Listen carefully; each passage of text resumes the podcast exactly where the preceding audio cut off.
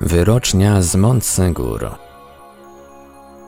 Czym jest zestaw sześciu liści pokrytych dziwnym pismem odnaleziony rzekomo w siedzibie Katarów w Montsegur? Jak twierdzili niektórzy, była to forma wyroczni, która w sposób opierający się o matematykę była zdolna przepowiadać przyszłe losy jak twierdzą niektórzy, przewidziała wybuch II wojny światowej. Zawiłe dzieje drewnianej księgi prowadzą do indyjskiego stanu Tamil Nadu oraz mistycznego królestwa Agarty, które według wierzeń kręgów skupiających się wokół księgi miało być zarządzane przez dziewięciu mistrzów, z których jeden pokierować miał losem Europy. Montsegur to twierdza Katarów, bastion prawdziwego poświęcenia dla oblężonych przez papieskie wojska. W marcu 1244 roku Katarzy, uwięzieni w swej twierdzy, zostali ostatecznie podbici. Około 220 z nich spłonęło naraz żywcem, gdyż nie chcieli wyprzeć się swoich poglądów. Na kilka dni przed upadkiem fortecy czterej Katarzy zeszli po stromych zboczach, niosąc ze sobą rzekomy skarb. Ponieważ droga była niebezpieczna i trudna, rzecz, którą ze sobą mieli, musiała być małych rozmiarów. Wśród wielu spekulacji odnośnie tego, czym był ów przedmiot, widziany przez niektórych jako święty Graal, niektórzy uważali, że była to święta księga zawierająca mądrość Katarów. Nie mógł być to raczej skarb przedstawiający dużą wartość materialną, bowiem musiałby być to przedmiot ciężki, a ponadto wszelkie wartościowe rzeczy były dla wyznawców kataryzmu mniej ważne, a nawet złe w swej naturze. Pieniądze i bogactwo królowały wśród ziemskich i szatańskich sług. Pisarze tacy jak Walter Birks czy Harry Gilbert oraz Elizabeth Van Buren sugerowali, że zbiegli Katarzy mieli ze sobą manuskrypt, duchowy skarb, którego autorstwo często przypisuje się świętemu Janowi i nazywa się go Księgą Miłości. Według niektórych zawierać ona miała nauki, wspaniałe objawienia oraz najbardziej sekretne słowa, przekazane przez Jezusa Chrystusa ukochanemu towarzyszowi, jakim był Jan Ewangelista. Ich siła była tak wielka, że potrafiła zmieść z serc ludzi wszelką nienawiść, złość i zazdrość. Miłość ta, jako nowy potop, miała potopić w sobie duszę, aby nigdy więcej krew nie była widziana na ziemi.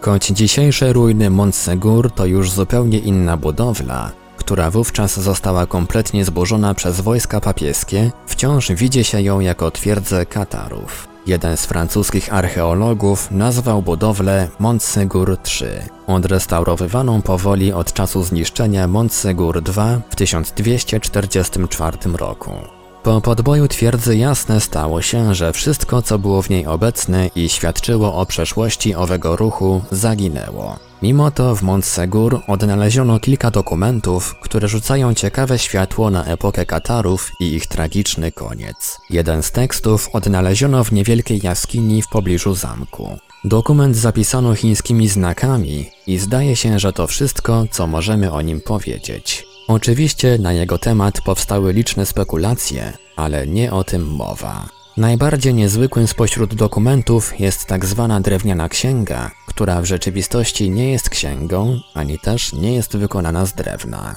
To zestaw sześciu, a w oryginale osiemnastu palmowych liści, zawierających nieokreślone, przypominające arabskie litery, jak też sylwetki zwierząt oraz figury geometryczne. Przez lata foil de bois, drewniane stronice, znajdowały się w posiadaniu Deoda Roche, jednego z najbardziej wpływowych badaczy ruchu katarskiego. Nie wiadomo, czy posiadał on wszystkie 18 części, a następnie podzielił je na trzy, czy też posiadał jedynie 6 części. Wiadomo tylko, że przed śmiercią przekazał on sześć z nich swojej zaufanej przyjaciółce i sekretarce, Lucien Julien.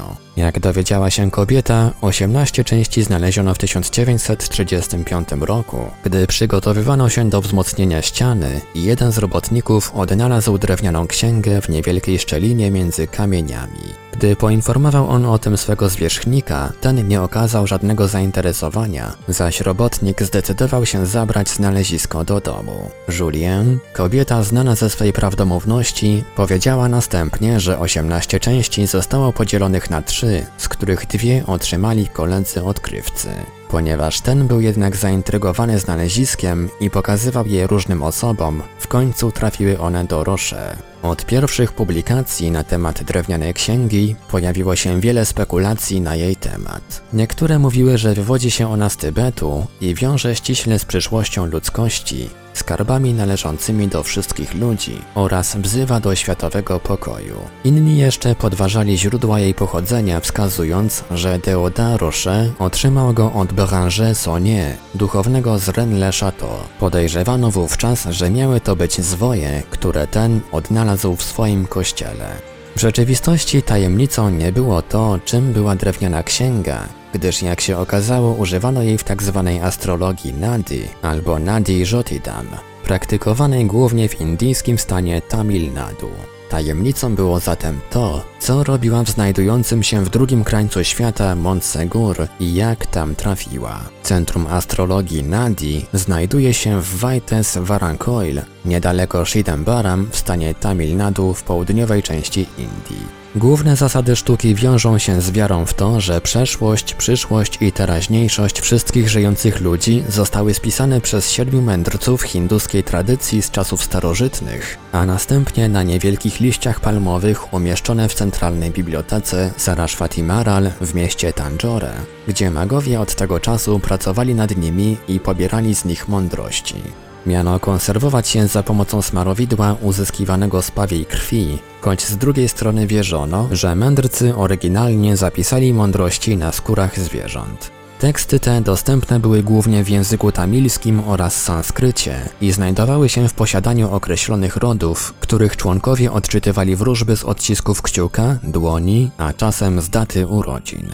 Nadi łączy ze sobą serię inkarnacji danej osoby, i w ten sposób stara się pomóc w określeniu przyszłości. Jedno z praw mówi, że w czasie konsultacji w bibliotece ludzie nieświadomie będą przyciągani do liści zawierających pisma związane z ich losem. Sami wróżbici mają nie mniej burzliwą historię niż katarzy. Oryginalne liście z inskrypcjami odnaleziono ponoć w Wajtes Varancoil w XIII wieku, gdzie ożyło zainteresowanie nimi.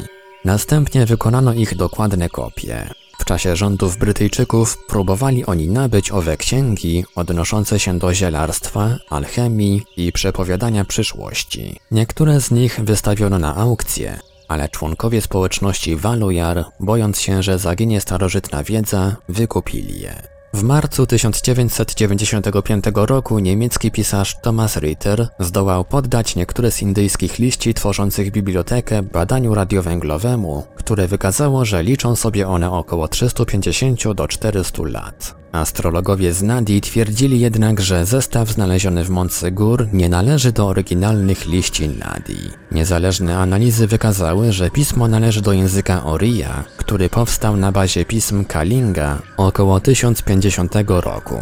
Pochyłe pismo, które pokrywało liście, było wynikiem tego, że zbyt wiele prostych linii je pokrywających sprawiało, że miały one tendencję do rozpadania się. Wynik wskazuje zatem, że księga z Montsegur nie przedstawia specjalnej wartości, mimo swej niezwykłości. Wydaje się bowiem, że ktoś wszedł w posiadanie kopii liści Nadi, przewiózł je do Montsegur i skrył tam z niewiadomych powodów. Kto wie o co chodziło i czy w ogóle warto się nad tym zastanawiać. Koniec tajemnic? Rzeczywistość jest jednak zwykle znacznie bardziej złożona. Strony z drewnianej księgi zamieszczono w wydanej w 1967 roku ulotce Un Oracle Kabbalistique autorstwa Mario Phil oraz René Odina, których udział w całej historii wydaje się być bardzo intrygujący, bowiem obaj autorzy należeli do tajemniczego stowarzyszenia o nazwie Polaire, dziś znanego również ze swych związków z Otto Rahnem, niemieckim pisarzem, który w swych dziełach łączył losy Grala z Montsegur i który jednocześnie wzbudził w Himmlerze ezoteryczne żądze. Poler stanowili grupę ezoteryczno-poszukiwawczą, która żywiła zainteresowanie w magicznych systemach mogących pomóc im w kontakcie z Agartą i zamieszkującymi ją mistrzami. Nie zagłębiając się w niepotrzebne szczegóły powiedzieć możemy, że istniały podobieństwa i różnice między członkami Polar a astrologami z Tamil Nadu.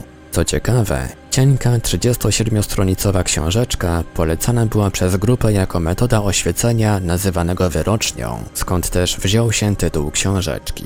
Najważniejsze jednak jest to, że wyrocznie identyfikują oni z samą drewnianą księgą. Antonin Gadal był czołową postacią w przywracaniu pamięci o Katarach i Montsegur. Kontynuował on prace rozpoczęte przez historyka Adolpha Garrigou. Od lat 30. XX wieku wokół Gadala skupiali się inni ludzie, zaś wspomniane już Roche wraz z René Nelim założyli la Société du Souvenir de Montsegur et du Graal, promujące zapomnianą historię oraz nauki Katarów.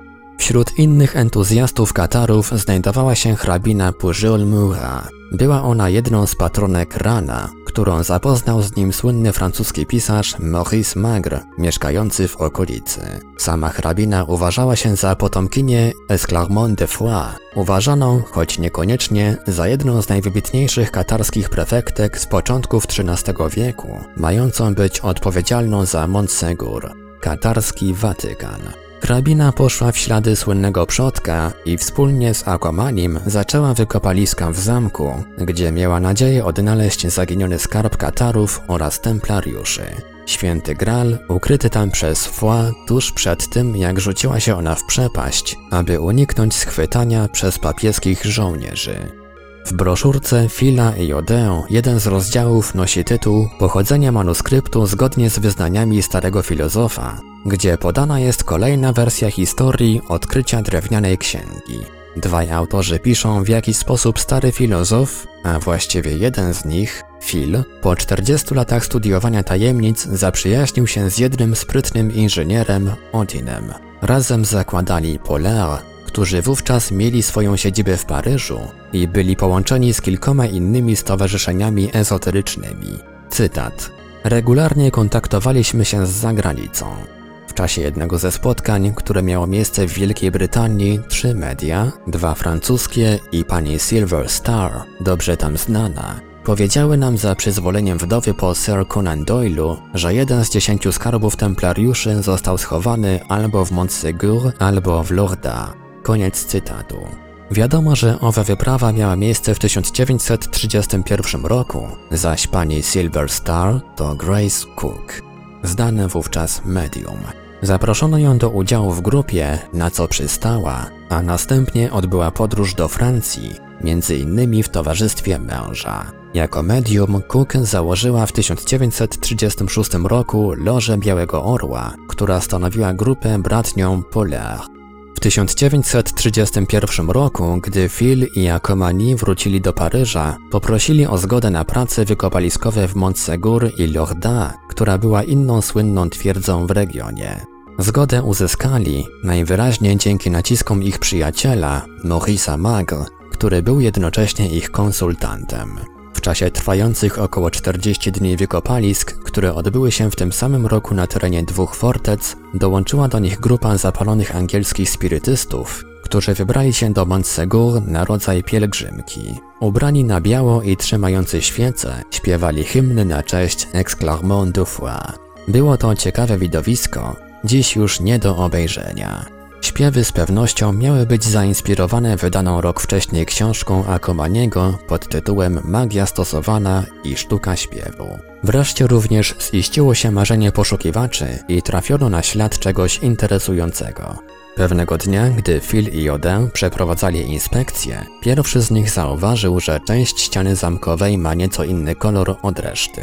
Gdy uderzono w nią młotem, natrafiono na niszę, w której znajdowały się pożółkłe papiery. Górne warstwy dokumentów były zniszczone przez wilgoć i dało się odczytać na nich tylko jedno słowo los. Niższe partie zachowały się lepiej i okazały się pergaminami pokrytymi liczbami i figurami geometrycznymi. Odę szybko doszedł do wniosku, że to wyrocznia. Wierzono, że łączy się z mistycznymi naukami żydowskimi. Phil twierdzi, że skonsultował się z większością bibliotek w Paryżu i okolicach, jednakże wszystkie z nich odpowiedziały, że żaden z posiadanych przezeń dokumentów nie przypomina tych znalezionych w Montsegur. Wydawało się, że to tajemnicze unikaty i choć dziś wiemy, że tak nie było, nie powinniśmy zbyt surowo ocenić Odę i Phil, którzy mieli rację w tym, że znalezisko miało pewien wymiar wyroczni. W obu zaprezentowanych wyżej wersjach drewniane księgi odkryto w ścianie Montsegur w latach 30. ubiegłego wieku. Jedna z nich za odkrywcę podaje robotnika, druga grupę archeologów ezoteryków. Ale jest też wersja trzecia, którą w wielkim trudzie zrekonstruował holenderski badacz Milko Bogart, nie zdający sobie jednak sprawy z tego, że księgi przetrwały. Bogart wiedział o istnieniu ulotki u Oracle, jak też i znał historię Polar.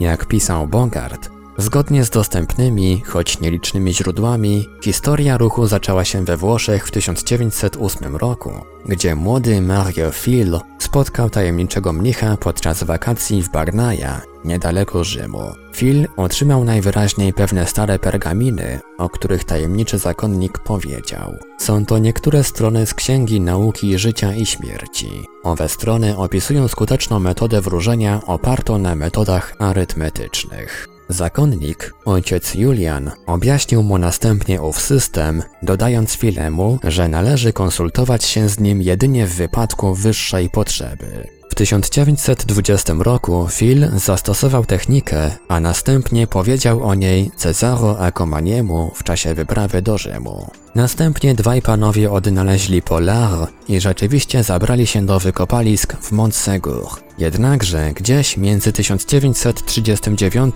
a 1960 rokiem Phil i Oden zmienili swoją historię odnoszącą się do tego, w jaki sposób natrafili na zwoje, mówiąc, że odnaleźli je w Montsegur. Historyczne dokumenty wskazują bowiem, że w czasie poszukiwań w Montsegur i Lorda nie znaleziono nic, co wskazuje na to, że wysiłki i twierdzenia mediów były nieprawidłowe. Nie dziwi zatem, że jakiś czas później zdecydowano się zmienić oficjalną wersję historii. Zatem drewniana księga z Montsegur jest tak naprawdę drewnianą księgą ojca Juliana. Bogart zauważa także, że w latach 30.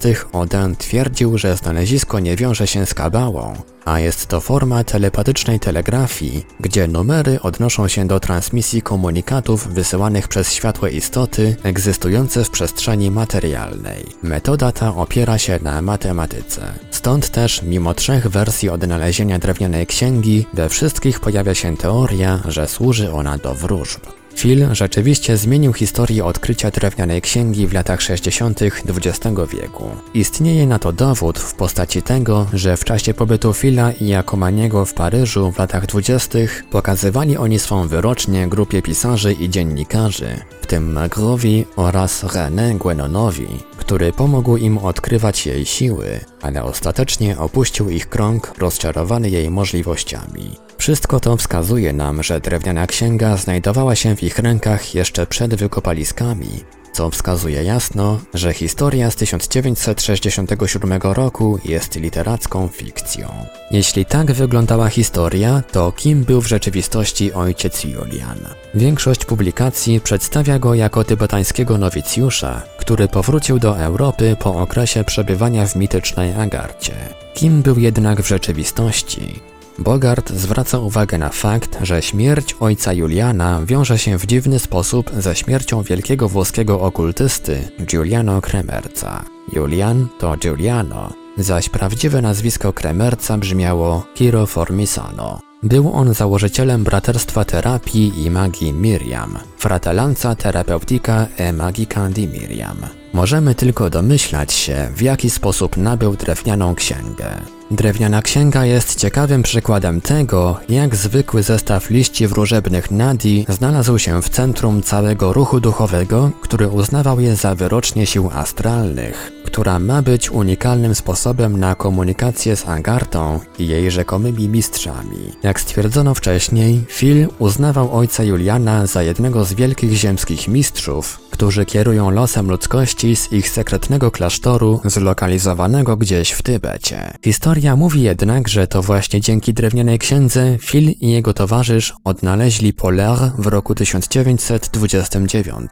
Choć za lidera grupy skupionej wokół księgi uznaje się zwykle Phila, istniała jeszcze wyższa funkcja wielkiego mistrza sekretnego zakonu, którą objąć miał ktoś o wysokiej pozycji. Według ich wierzeń miał to być ktoś, kto miał przybyć z Himalajów, choć nigdy tego nie dokonał. Grupa spodziewała się jednak jednego z mistrzów żyjących w Agarcie, który miał przybyć i z zachodniej Europy kierować losami kontynentu, ustalając jego poprawny los. Gdy zmarł ojciec Julian, choć niektórzy twierdzili, że wrócił do Agarty, potrzeba było nowego lidera. Wydaje się, że rolę tą przejął na chwilę następca tronu Kambodży, książę Joe Kantor. Po jego odejściu miejsce to zajął René Odin, ale ponieważ zbliżała się II wojna światowa, podczas której grupa padła ofiarą represji ze strony Niemców, był to ostatni wielki mistrz. Odin i Phil twierdzili także, że dzięki wyroczni dowiedzieli się o wybuchu wojny, jak też i końcu ich bractwa,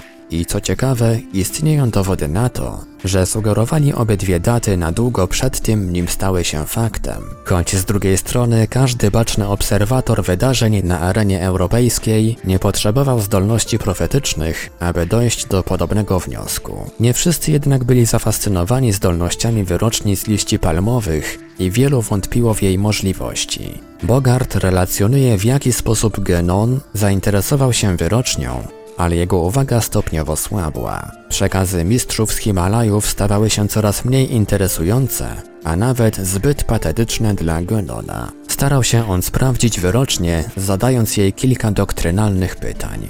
Odpowiedzi okazały się jednak niejasne i wymijające. Akomni również opuścił Stowarzyszenie Polar w 1932 roku jako wyraz protestu przeciwko wewnętrznej organizacji ale być może i wyroczni, którą promował i przy pomocy której nie udało się odnaleźć skarbu Montsegur. Być może również dlatego Phil i Jodin zdecydowali się zmienić historię, przerabiając samą wyrocznie na skarb, którego szukali przy jej pomocy. Bogart zauważa, że grupa skupiająca się wokół wyroczni w latach 30. XX wieku znajdowała się pod wpływami ideologii Saint-Yves d'Alvert, w wydanej w 1910 roku książce pod tytułem Mission de l'Inde en Europe autor zawiera informacje na temat podziemnego królestwa Agarty, twierdząc, że otrzymał je od grupy wtajemniczonych, którzy odwiedzili go w 1885 roku. Jak twierdził, mieli oni zdolność wpływania na przeznaczenie, którą Dalveidr nazwał synarchią. Synarchia była z kolei odwrotnością anarchii, definiowaną na różne sposoby, choć sam autor widział ją jako formę rządów, w której mistrzowie telepatycznie komunikują swe pragnienia do członków sekretnych stowarzyszeń, które tworzą ziemski rząd, zarówno krajowy, jak i globalny. Drewniana księga, wyrocznia, opierała się o matematykę. Sami Polar organizowali wewnętrzny system oparty na trójkach i dziewiątkach. Ich wewnętrznej grupie przewodziła dziewiątka, która pojawia się nie pierwszy raz w historii. Seansy organizowane przez Andrija Pucharicza składały się z dziewięciu osób kontaktujących się z dziewięcioma zwierzchnikami. Zwróciły one uwagę CIA jako forma telepatycznej komunikacji, co doprowadziło do serii eksperymentów z widzeniem pozazmysłowym przeprowadzanych przez CIA i DIA w okresie od lat 70. do 1995 roku. Co ciekawe, Seanse organizowane przez Pucharicza wymagały obecności silnego medium, którym w latach 70. był Yuri Geller, będący najwyraźniej jedyną osobą mogącą kontaktować się bezpośrednio z dziewiątką. Nie dziwi, że w latach 70.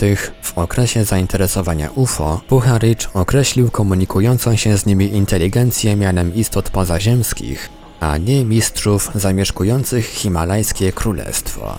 W swojej analizie rytuałów Polar, Bogart również mówi o ich potrzebie posiadania silnego medium do kontaktu z dziewięcioma. Prawdopodobnie dlatego odwiedzili oni Angielkę Cook. Autor dodaje jednak, że możemy powiedzieć niewiele więcej, gdyż brak źródeł na temat historii Polar. Ostatecznie Pucharich rozpoczął swe seanse w USA, pracując z francuskim ezoterykiem Jacquesem Breyerem. Wkrótce rozpoczęli oni komunikację z dziewiątką z wieży zamku Argeny niedaleko Lyonu. Jak twierdzono, ową dziewiątkę tworzyły dusze dziewięciu założycieli zakonu templariuszy.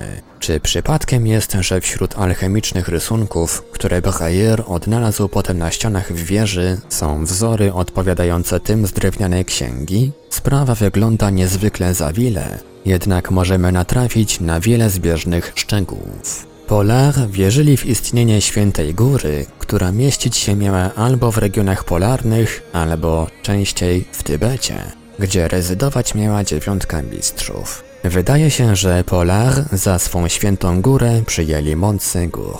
Miguel Gradon zauważa, że Otto Ran uważał je za święte centrum, źródło energii, która przekazywała swe mistyczne promienie. Ran odzwierciedlał najprawdopodobniej poglądy Polar, którzy uznawali za swą misję opanowanie owych promieni, nazywanych czerwonymi, które w końcu miały zetrzeć się z niebieskimi promieniami w czasie wojny między dwoma frontami II wojny światowej. Skąd jednak drewniana księga wzięła się u Giuliano Kramerca? Praktykował on alchemię w tym samym czasie i miejscu co Arturo Regini, pracujący z Juliuszem Etolą późniejszym towarzyszem Mussoliniego. Co ciekawe, Regini znany był z tłumaczeń dzieł Szwamiego Vivekanandy, pierwszego znanego zachodniemu światu hinduskiego mistrza. Czy to on przywiózł do Europy liście Nadi? A wiadomo ponadto, że Dalveidre czerpał informacje od Louis Jacoliot, który był nie tylko sędzią w Pondichéry oraz francuskim konsulacie w Kalkucie, ale też pierwszą osobą piszącą o Agarcie. Wynika stąd, że drewniana księga mogła mieć źródło w zbliżeniu europejskich ezoteryków do astrologii Nadi. Stąd też zestaw liści zrósł się z wyrocznią, dzięki której możliwa stawała się komunikacja z dziewięcioma mistrzami. Ludźmi, czy też lepiej istotami, którzy weszli na poziom czegoś nadludzkiego, oświecenia i których uważano za kierujących losami świata. Uważano ponadto, że mistrzowie dzięki odpowiedniemu pośrednictwu powinni wpływać na losy świata. To właśnie tutaj ukrywa się wskazówka dotycząca tego, dlaczego Dalaj Lama uważany jest przez niektórych za kogoś więcej niż tylko wodza Tybetańczyków przebywającego na wygnaniu. Na początku XX stulecia Regimi i Kremerc podkreślali swe poszukiwanie wiedzy oraz przestrzegali przed myleniem go z rozwojem duchowym czy emocjonalną ekscytacją. Pierwszy z nich pisał na początku swojej kariery. Symbolika architektury, ceremonii oraz obrazów stoi ponad zwyczajnym językiem z racji swej wielości znaczeń, która może znaleźć ujście jedynie w symbolice, Stąd też działa ona przez analogię. Hieroglify oraz ideogramy tworzą pismo stojące na wyższym poziomie niż zwykłe z racji jego szerokości oraz precyzji znaczenia. W drewnianej księdze z Montsegur dostrzegli oni dokładnie taki mechanizm. Jednakże, jak zwykle, uwagę zaczęło przyciągać coś innego, zaś rozwój duchowy zepchnięty został na dalszy tor. To dlatego Guénon opuścił Polar, a Phil lub Odin zdecydowali się przekazać liście Roszowi. W ten właśnie sposób wiele lat tworzenia mitów stworzyło z repliki wróżbiarskich liści Nadi coś, czym nigdy nie były. Wyrocznie, którą widziano jako jedyny instrument, poprzez który zachodni świat mógł dowiedzieć się czegoś więcej o swym przeznaczeniu od mistrzów skrywających się w głębi Agarty.